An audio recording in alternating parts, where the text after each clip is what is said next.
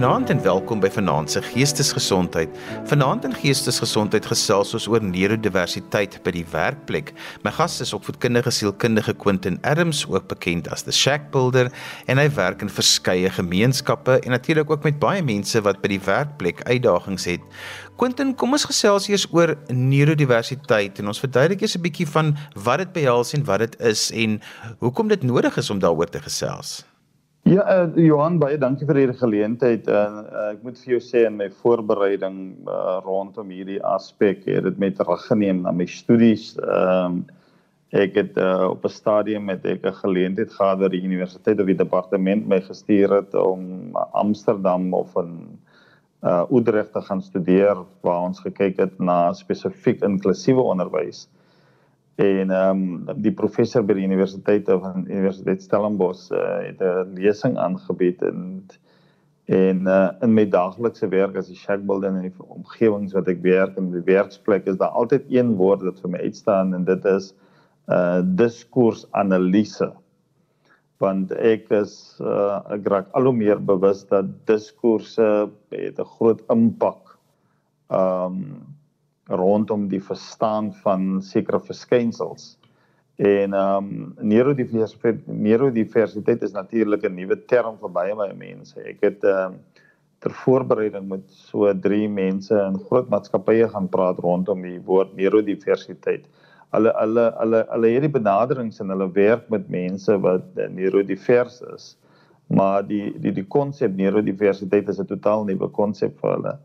En ehm um, nadat ek begin verduidelik het dat ons 'n radioprogram hieroor gaan hê en met jou gaan gesels oor neurodiversiteit, het het alles net so mooi in plek geval want hulle hulle hulle doen nie praktyk maar hulle verstaan nie die die die konsep nie. En daarom is dit vir my belangrik om ehm um, ook oor diskursanalise te praat want ek weet ons het so altyd gepraat van drie diskurse wat jy kry die mediese diskurs, die liefdadigheidsdiskurs En baie mense doen goed omdat uh, uit 'n uh, liefdadigheid hulle hulle kry jammer vir mense. Ehm um, en dan doen hulle hierdie werk maar dit hulle word gedryf deur liefdadigheid en dan kry jy die die menseregte uh, diskurs. Maar rondom die die konsep van neurodiversiteit het ek my eie diskurs uh begin te ontwikkel nadat ek artikels hieroor gelees het en in gesprekke gehad het maar, maar met uh ehm um, verskillende maatskappye. Maar ek dink uh wat belangrik is rondom neurodiversiteit uh neurodiversiteit is dat ek dink dit is 'n 'n nuwe benadering, is 'n nuwe diskurs wat eerstens bevrydend is. Dit uh gee vir ons 'n nuwe insig en 'n nuwe benadering hoe mense binne die werksplek uh uh moet omgaan. En dan wat ook vir my belangrik is is dat ons kyk na mense wat uh verskillende ehm um, of 'n unieke breinfunksionering het binne die werksplek. En ehm um, hierdie konsep van unieke breinontwikkeling en unieke breinfunksionering ehm um, is vir my absoluut belangrik en dit is ook natuurlik 'n bevrydende benadering wat ons het. Ehm um, want ons moet besef dat soos vingerafdrukke uniek is, is daar mense wat unieke uh breinontwikkeling en breinfunksionering het. So neurodiverse uh of neurodiversiteit uh, verwys ons uh na mense met uh verskillende unieke uh breinontwikkeling en breinfunksionering binne in die werksplek. Want Quentin dit maak nogal sin as 'n mens kan verstaan oor hoekom sekere mense minder sosiaal by die werk is. Hoekom sekere mense verkies om eintlik nie op vergaderings te wees nie want hulle is glad nie produktief daar nie of hoekom sekere mense aanhou uitstel en miskien nie kan gefokus kry nie of die werkplek maak dit vir hulle moeilik want om neurodivers te wees beteken jy pas nie in die boksie in wat mense jou graag wil insit nie want jy ervaar die lewe, die werk, hoe jy elke dag oorleef, hoe jy funksioneer is verskillend. Ons doen dit in elk geval verskillend, maar dit is net dalk 'n bietjie meer duidelik dat dit verskil. Ja, ek dink wanneer jy wanneer jy in 'n leierskapposisie is, ons het ons het en ek het al hieroor gerapporteer uh, tydens jou program uh Ehm um, ons het die ons het die konsep die backyard varsity het ons ontwikkel en ons werk met buiteskooljeugdiges. Uh, mense wat byvoorbeeld nie die skool voltooi het nie. En een van die belangrike aspekte wat ek persoonlik uh voor staan is dat ons moet be, ons moet bewus wees uh binne die backyard varsity ehm um, dat daar mense is wat anders funksioneer as ander persone. Ehm um, hoe hulle leer, hoe hulle ehm um, sekere um, werk prosesseer, ehm um, hoe hulle die werksomgewing ehm um, verstaan. Ehm um, en dit was 'n dit was 'n uh, en ek gaan die woord bevryding baie gebruik in hierdie onder in hierdie onder onderhoud. Dit is 'n baie bevrydende ehm um, diskurs en perspektief om vir mense te sê dat mense prosesseer inligting anders. Hulle hulle gaan anders om met die omgewing. Ehm um, en die belangrike gedeelte vir veral met betrekking tot die werksplek is die bewuswording daarvan. Ehm um, ek het met hierdie drie maatskappye se mense gesels en hulle het mense in uh nie uh uh neurodiverse mense in die werksplek en en dit is interessant ehm um, die aanpassings wat hulle gemaak het en maar dit was nie die aanpassings in die akkommodasie en en en hoe hulle die span uh, funksioneer en reguleer en en bestuur wat anders was nie.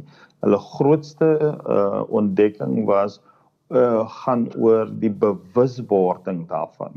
Um en en dit was interessant want ek het nie net na hierdie maatskappye toe gegaan met 'n onderhoud nie. Ek het ook 'n artikel saamgebring en ek gaan 'n bietjie later praat oor die artikel wat ek met hulle bespreek het.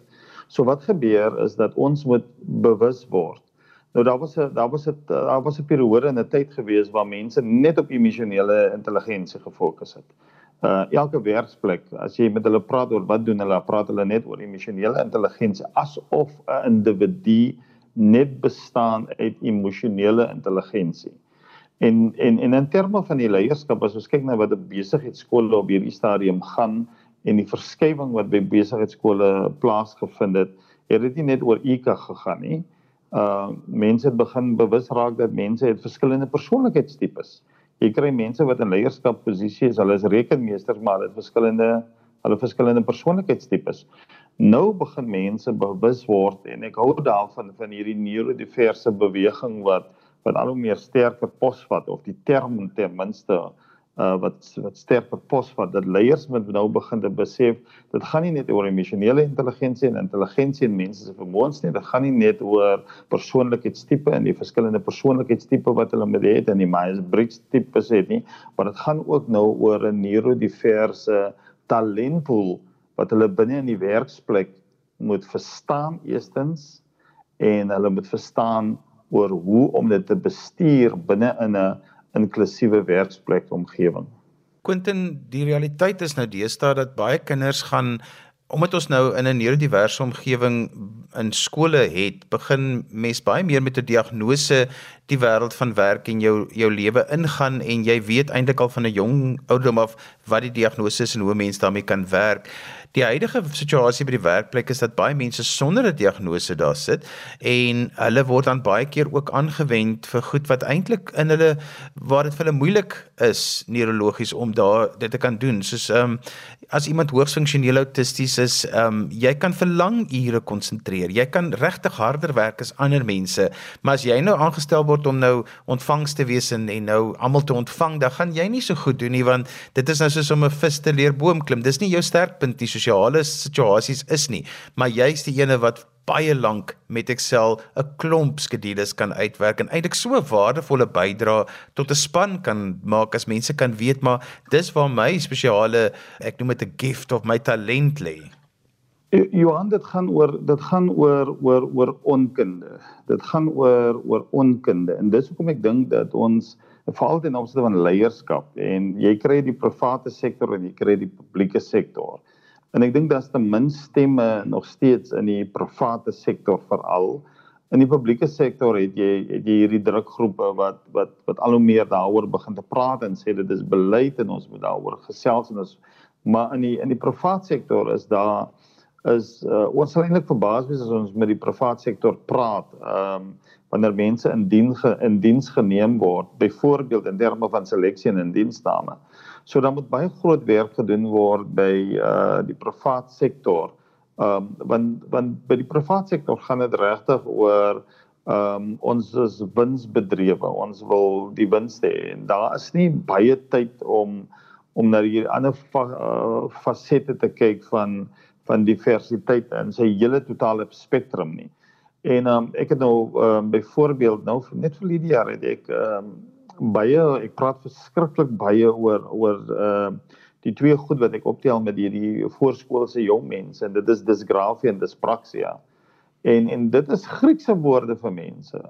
Ehm um, uh, ek het uh, met 'n klein uh, met 'n media maatskappy gewerk wat uh, vier jong mense ingeneem het. En toe vind hulle dat hierdie jong mense dysgrafia en dyspraxia ehm um, nadat ek informele gesels het en gekyk na wat hulle doen en so aan. En en en net hierdie twee want dit is hulle klink nou dit klink nou na groot mediese terme maar dit het implikasies vir hierdie jong mense wat aanvaar is by by by by hierdie maatskappy en daarom dink ek is dat ons 'n baie sterker beweging moet hê om om privaat sektor spesifiek ehm um, van die van die privaat sektor is is van die mense wat wat groot fokus het op werkskepping en om die hele beweging van neurodiversiteit en veral wanneer dit kom by seleksie en ehm uh, uh in 'n diensneming dat die dat die dat die mense meer bewus moet word dat daar is mense wat verskillende breinfunksionering het. Hulle het verskillende eie uitdagings. En en en dit is waar die waar die groter fokus moet plaasvind op hierdie stadium. Quentin net so tussenwerpsel vir mense wat nou net gehoor het jy praat van dysgrafia en dyspraxia net in twee sinne wat elkeen beteken? Ja, dysgrafia is wanneer wanneer mense probleme het met ehm um, ehm um, spasiering en ehm um, en en en, en dysgrafia is wanneer uh, dyspraxia is wanneer dan jong mense het met probleme met uh, met koördinasie probleme. Ehm um, ek het veral gesien wanneer ons met hierdie jong mense werk en hulle moet begin beskryf byvoorbeeld en ek gee hulle 'n woord, gewone woord byvoorbeeld hout en dan dan sien jy hulle skryf ehm um, ehm um, hulle skryf simbole neer of uh, daar's nie spasie tussen die woorde nie. Dit maak nie sin nie. As jy van vra wat het jy daar geskryf? Wat sê jy hout geskryf? So so dit is uh, hoe hulle dit dekodeer en enkodeer dit wat jy vir hulle sê. Ehm um, en en ons sien de, baie hierdie dysgrafia en dyspraxia. Ehm um, so die een dyspraxia is koördinasie, die een is baie te doen met die visuele spasiering en uh ehm um, hoe hulle die die woorde omskakel en en hoe hulle die die die die die, woorde wat hulle hoor omskakel op papier. En ehm um, en en dit is basies wat wat wat dysgrafia en dyspraxia beteken. Ek het nou onlangs met ouers gesit wat se kind um, dysgrafia het en uh, ek verduidelik toe dat mense dan nou moeilik kan uitmaak wat die kind skryf en so aan. Toe sê die pa van my nee, hy is heeltemal oukei okay daarmee want hulle dokter moet dit ook hê want hy kan nooit lees wat op die voorskrifte staan nie. Maar dit bring my ook by 'n belangrike punt want mense dink baie keer as jy iets soos dysgrafia of dyspraxia het dat jy dan ook jou brein nie normaal funksioneer jy staan ook nou nie so slim nie. So eh, dit is so 'n misopvatting want super slim mense soos dokters kan ook dysgrafia hê. Ja, ek ek moet nou baie eerlik met jou wees. Ek moet nou baie eerlik met jou wees. Ek dink die beste mense wat in die in die konstruksiebedryf is. En dit is waar ek dit opgetel het.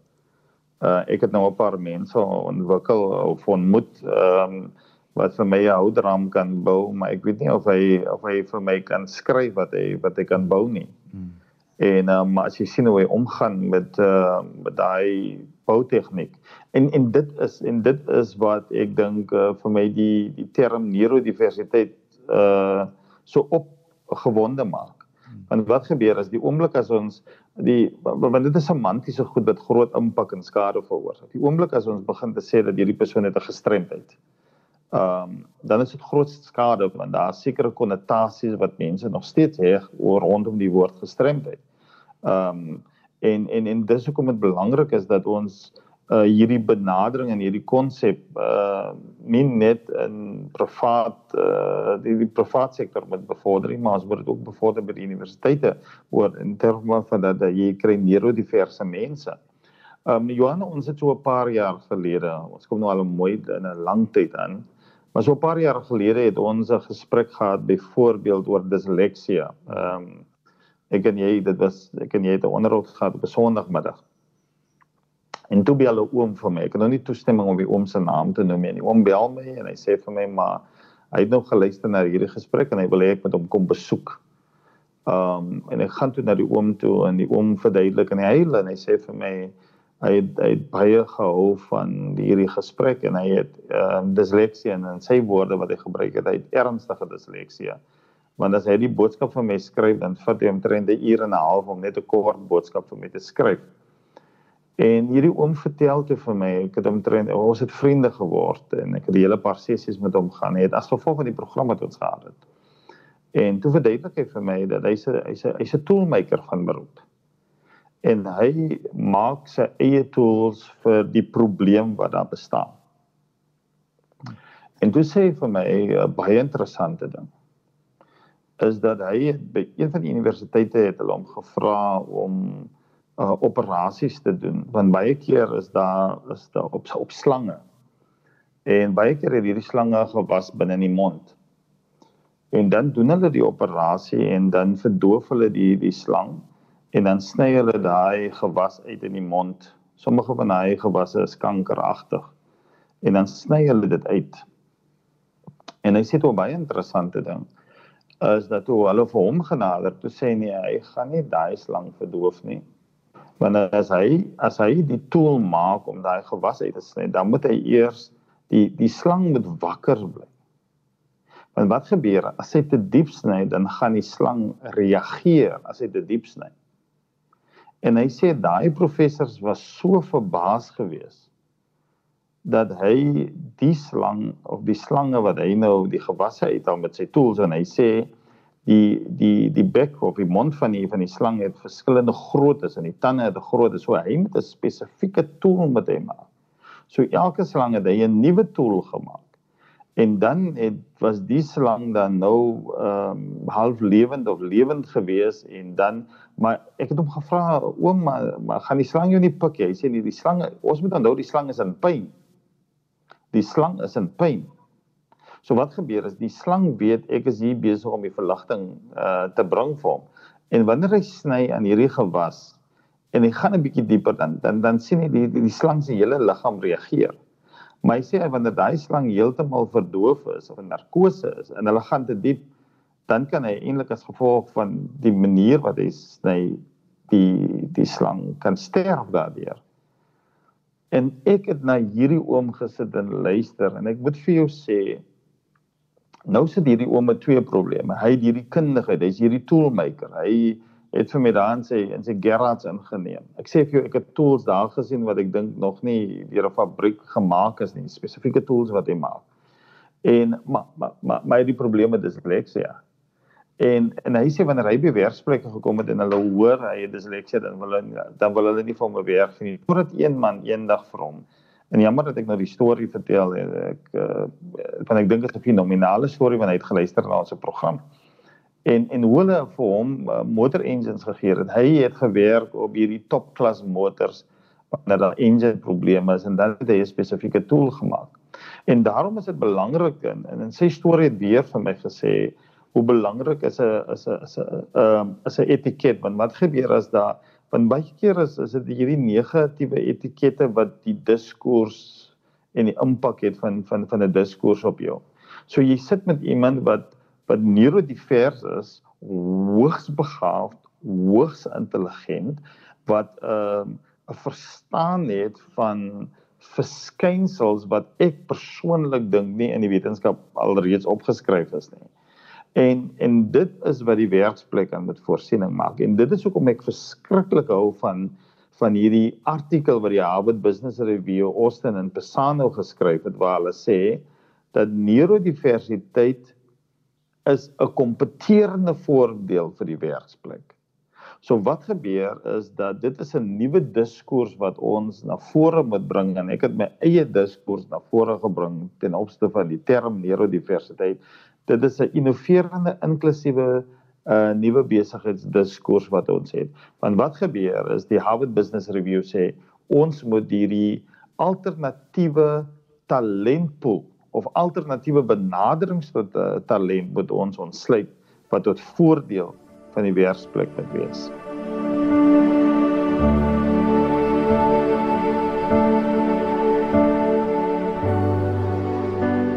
Quentin, wat is die uitdagings vir 'n leier as dit kom by neurodiversiteit want jy wil tog mense se sterkpunte, dit wat hulle uitstekend is, wil jy tog tot voordeel van die besigheid en die werkplek aanwend. So jy as 'n leier binne 'n neurodiverse omgewing het 'n bepaalde plig en verantwoordelikheid en ook bewussyn nodig. Ja, ek dink wat gebeur aan die die die, die skade wat leiers maak is dat die leiers verstaan nie dat die dat die dat die groep gaan deur verskillende stadieë nie. En ek dink dit is wat ek wil beklemtoon wanneer ek jou vraag wil beantwoord. Takman het in sy model gesê dat daar is ehm um, vyf uh stadieë waar deur waar deur 'n uh, groep gaan, die groep word gevorm en nadat die groep gevorm word en hulle begin saam te werk, dan gaan hulle deur 'n stormperiode En dan die derde fase is dan dan word die groepprosesse en dinamika word uh, as dit baie goed opgelos is in die stormperiode dan word dit 'n norm en dan beweeg die groep eers na prestasie toe. So wat gebeur is wanneer 'n groep gevorm word dan kan jy nie onmiddellik sommer prestasie en produktiwiteit verwag nie. Dit beteken daar is 'n ontwikkelings daar is 'n ontwikkelingspatroon wat wat besig om om plaas te vind. Nou baie organisasies en baie werksplekke gaan deur hierdie proses dat wanneer hulle in die stormproses is, dan verstaan hulle nie dit is 'n fase waar die organisasie en die werksplek moet gaan nie. Hulle meen dit is nou 'n krisis in die maatskappy en baie maatskappye en veral klein besighede ehm um, gaan deur maak hulle besigheid toe want hulle weet nie dat dit dit is die stormfase nie. En daarom is dit belangrik dat een van die hoofpunte en hoof uh dimensies van die stormfase is dat die leier moet weet wie is in sy span. Die leier moet weet wat is die die sterkpunte van die span, uh, hy moet weet wat is die tekortkominge in die span en hulle moet 'n baie goeie SWOT-analise doen, nie net van die werksomgewing nie, maar van van wat het ons hier binne in ons in ons span. En as die groep nie daai situasie het gesorteer het nie. As die, die as die leier proaktief is in terme van die die stormperiode nie. Um ons bestuur twee organisasies, ons bestuur die Shack Builders en ons bestuur die Backup Varsity en ons het presies deur dieselfde vyf stadieë gegaan. Ons het deur 'n gegaan. En die stormperiode waardeur ons gegaan het is omdat ons sit met jong mense wat inligting anders prosesseer uh ek kom uit die akademiese omgewing uit.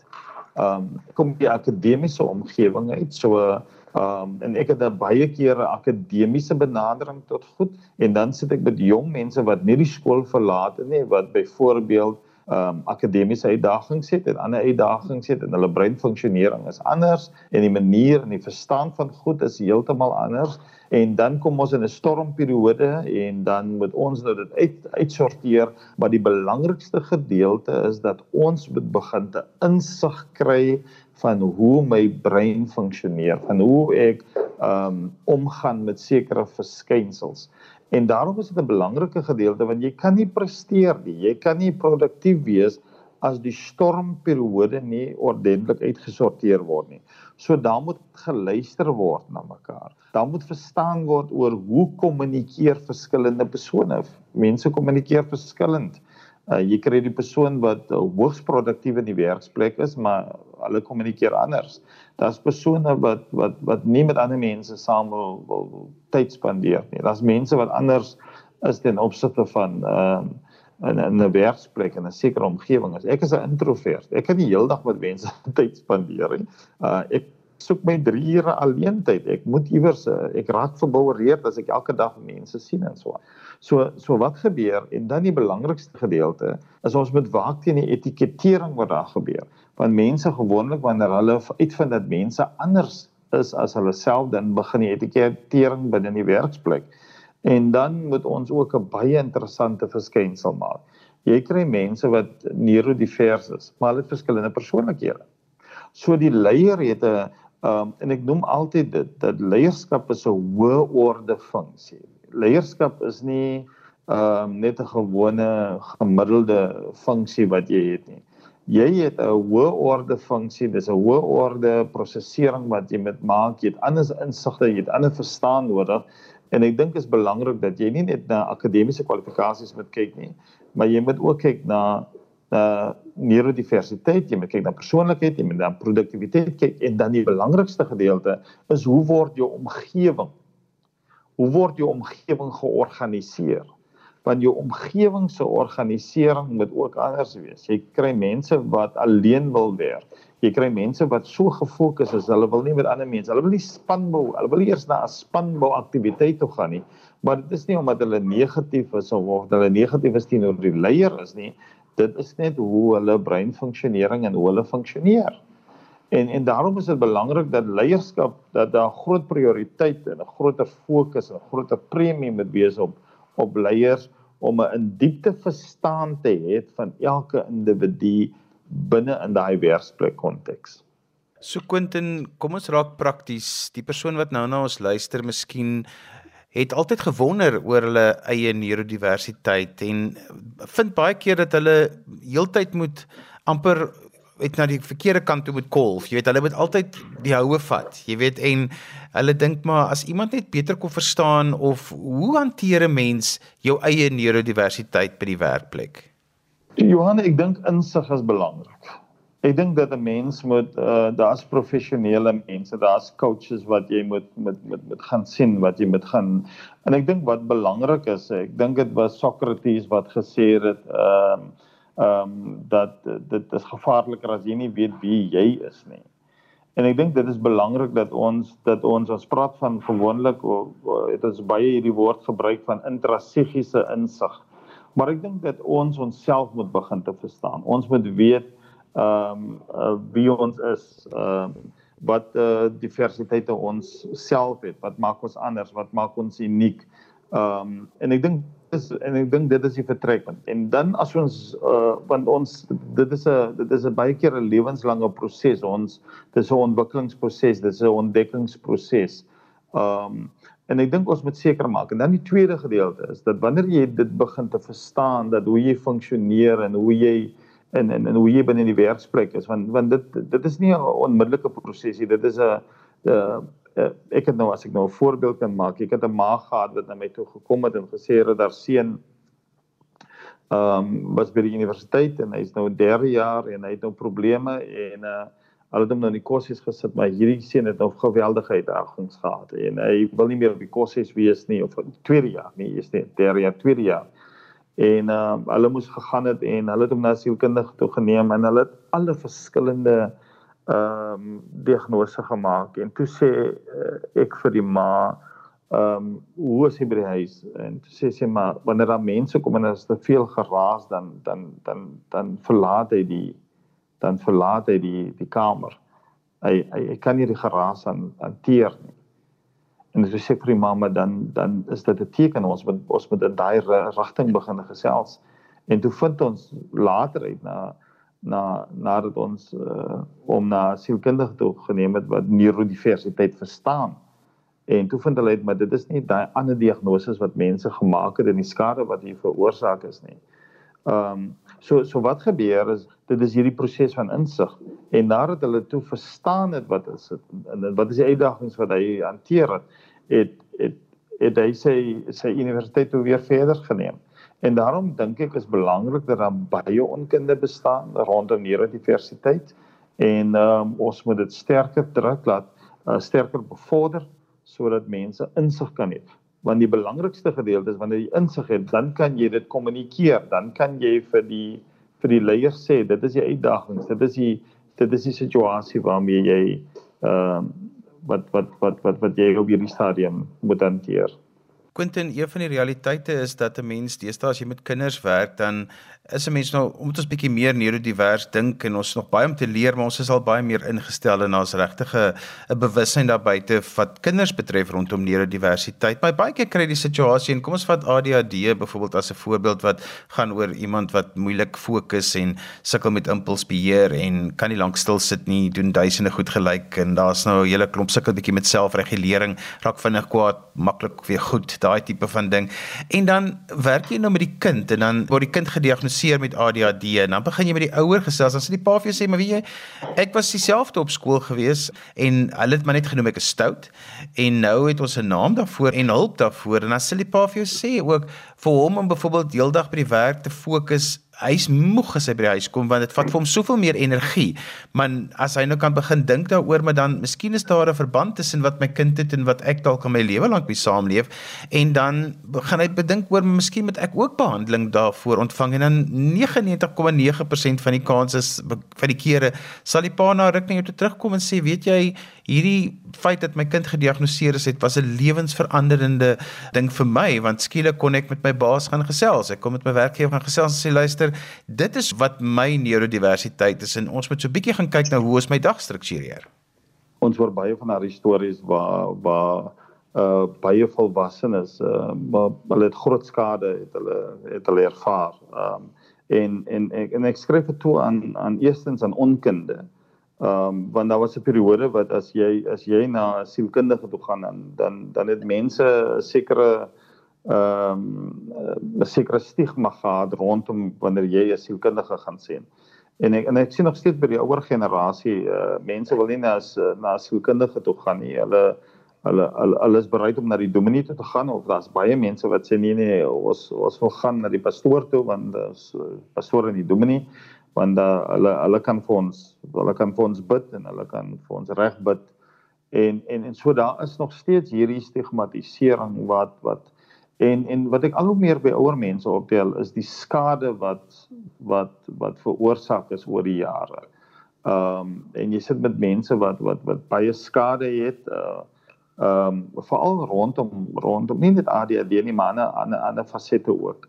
Ehm um, en en nou hoor hulle dat die kind het en nou begin hulle insig te kry en hulle begin hierdie ehm um, spytgevoel hê oor wat sou gebeur hoe sou my lewe verloop het as ek vroeër geweet het.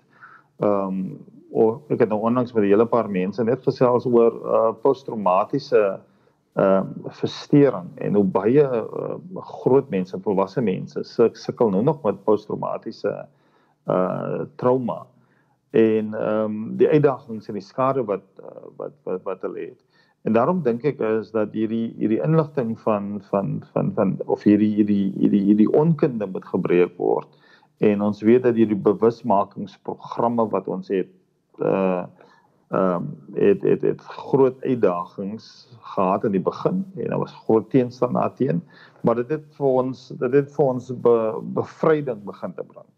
En ek dink ons moet hierdie gesprek hê uh, waar waar hierdie helingsproses moet begin te plaasvind met mense wat nou ontdek as hulle vroeër geweet het sou hulle miskien beter uh, hulle hulle lewe gereguleer het, hulle sou meer, meer produktief en ge, in in hulle maatskappye gewees het en hulle was miskien misverstaan. As ek dink aan hierdie oom ehm um, met wie ek baie lank gesprekke gehad het, ehm um, hy sy kind was tog geïdentifiseer of gediagnoseer met met met disleksia en en en hoe dit hom nou weer teruggeneem het aan en aan al die wanpraktyke wat in sy in sy tyd plaasgevind het toe hy 'n kind was.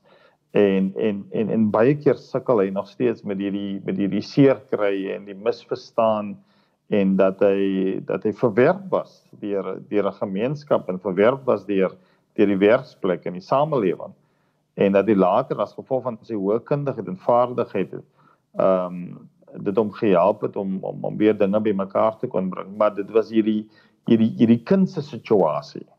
Uh wanneer hy sê toe en, en ek sal dit nooit vergeet hy sê ek wil nie hê dat my kind dieselfde pyn en lyding en hartseer moet deurgaan wat ek deurgegaan het van mense het my nie verstaan nie. En ek dink is belangrik dat ons hierdie hierdie proses uh uh moet bevorder en ek dink ehm um, bewegings rondom neurodiversiteit veral binne die werksplek ehm um, sodat daar bevryding kan wees vir mense.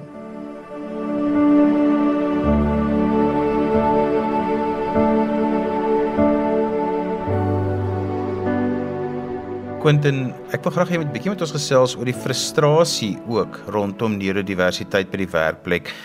Ek weet jy maak voorsiening vir alle neurodiversiteite. Ek weet jy jy behandel mense dat hulle tot hulle reg kom, maar soms het jy nou nodig dat iemand vinnige bestelling moet skryf en dan is iemand wat disleksie het, gaan nie daai vir jou kan doen nie. Dan is jy haastig, daar's frustrasies. Hoe hanteer 'n mens dit want Partykeer het jy nodig van iemand om iets te moet doen, maar sy neurodiversiteit laat dit nie toe nie. En veral as dit iets is wat mens nie kan sien nie. As iemand in 'n rolstoel is of iemand het 'n visuele uitval, hulle is blind of so doof, dis goed wat 'n mens kan sien, maar die baie van die neurodiversiteite kan jy nie sien nie. Dis hoekom ek stil staan by daai stormperiode van die van die van die stadium van groepsontwikkeling want dit is uh, wat, wat wat gebeur interessant wat uh, wat Takman praat en omdat ons deur hierdie proses self gegaan het. Wanneer jy wanneer jy nie die die, die stormperiode uitsorteer nie, dan gaan jy 'n verlengde storm of 'n vertraagde stormperiode hê. Wat beteken dat hierdie hierdie probleem gaan elke keer gaan na vore kom en dan lei dit tot frustrasie binne in die werksplek en dit gaan 'n implikasie hê op die produksie en die prestasie van die maatskappy. En daarom is dit belangrik dat daar uh baie goed gekommunikeer moet word en dat daar aanpassings moet gemaak word en dat mense geakkommodeer moet word. En dit is nie net 'n situasie in terme van want ek het nou uitgevind dat ons maak groot skade. Ons ons ons stel leiers aan wat nie eers verstaan dat daar vyf fases is van van groepsontwikkeling nie en en en hierdie en hierdie woede uitbarstings wat mense het omdat daar nie groepe is wat bymekaar kom nie.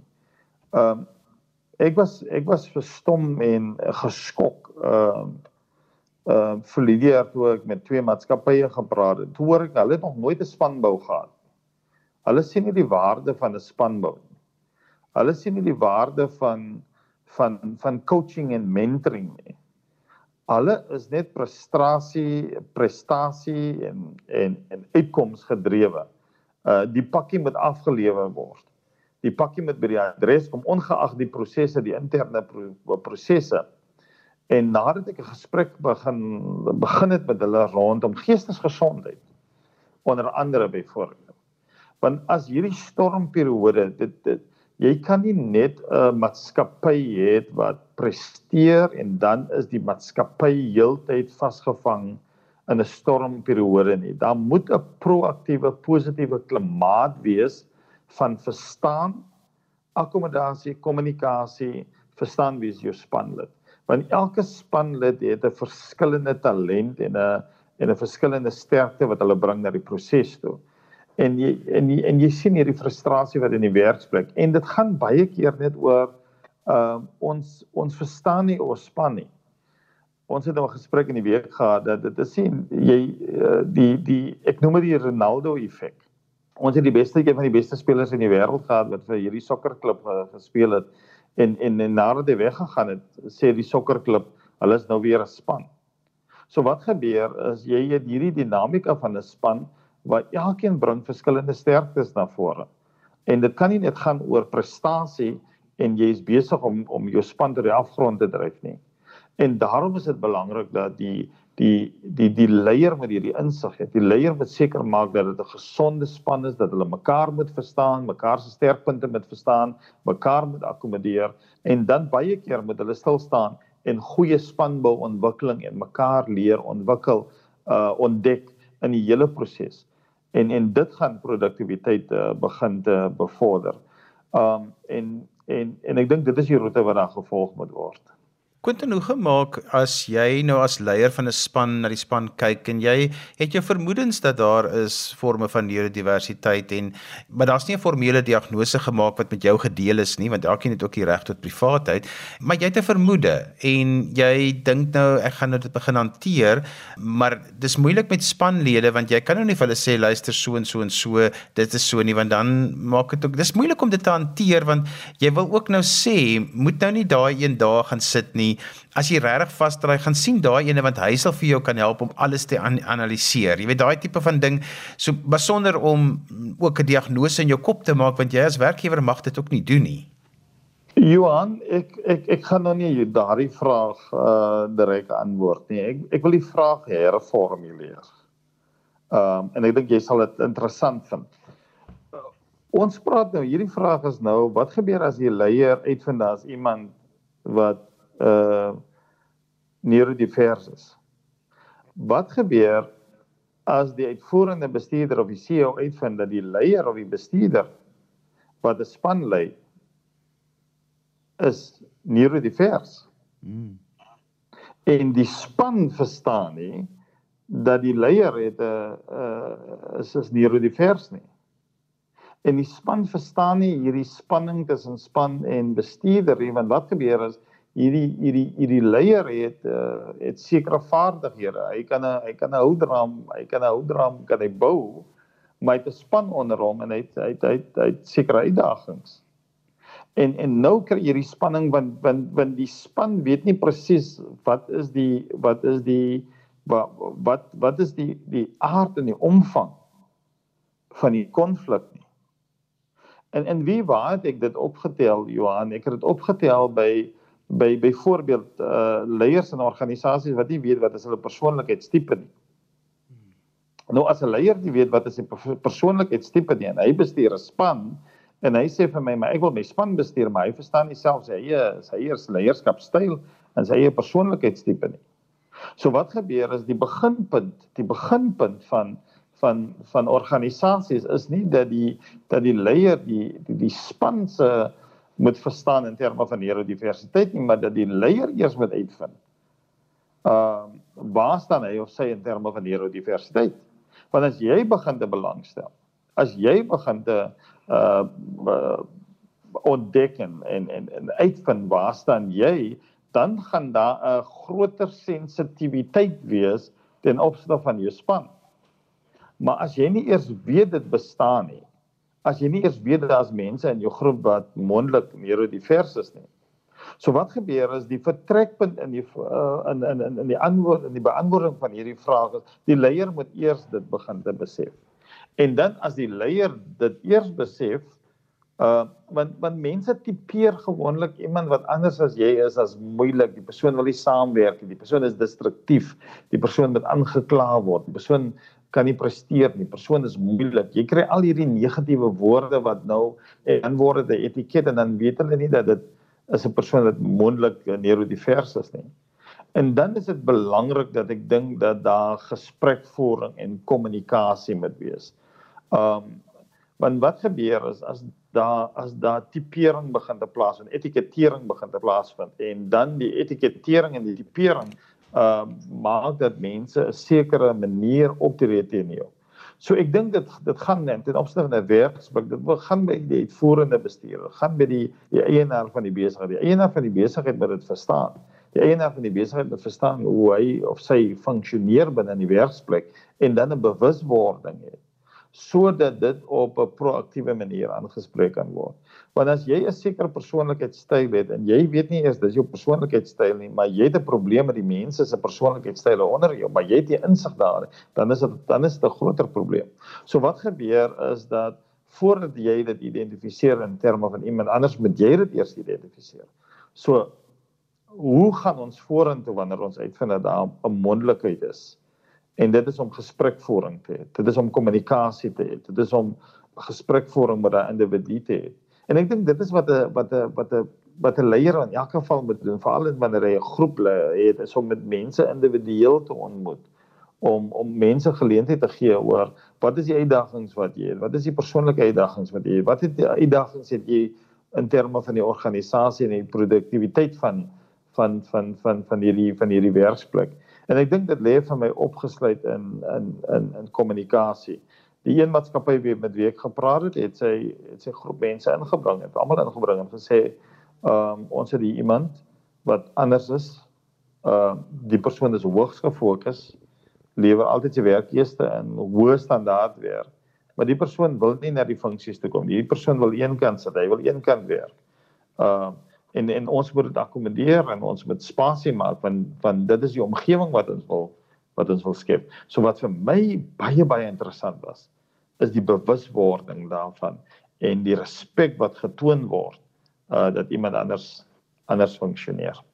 Quentin as mense met jou verder wil gesels, hoe kan hulle met jou kontak maak? My selfoonnommer is 082 698 5103 en hulle kan vir my 'n WhatsApp boodskap stuur ehm um, as hulle oor hierdie onderwerp wil verder gesels.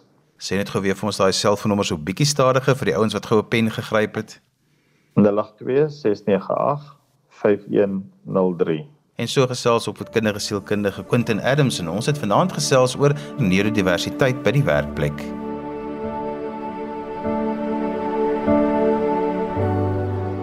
En daarmee ons gekom aan die einde van vanaand se geestesgesondheid. Onthou jy kan weer na vanaand se program luister as 'n pot gooi en laai dit af by resgep.co.za. Skryf gerus vir my 'n e e-pos by Johanvanlull@gmail.com en onthou daai Johan het net een N. En daarmee groet ek dan vir vanaand. Kyk mooi na jouself. Tot volgende keer van my Johan van Lille. Totsiens. thank you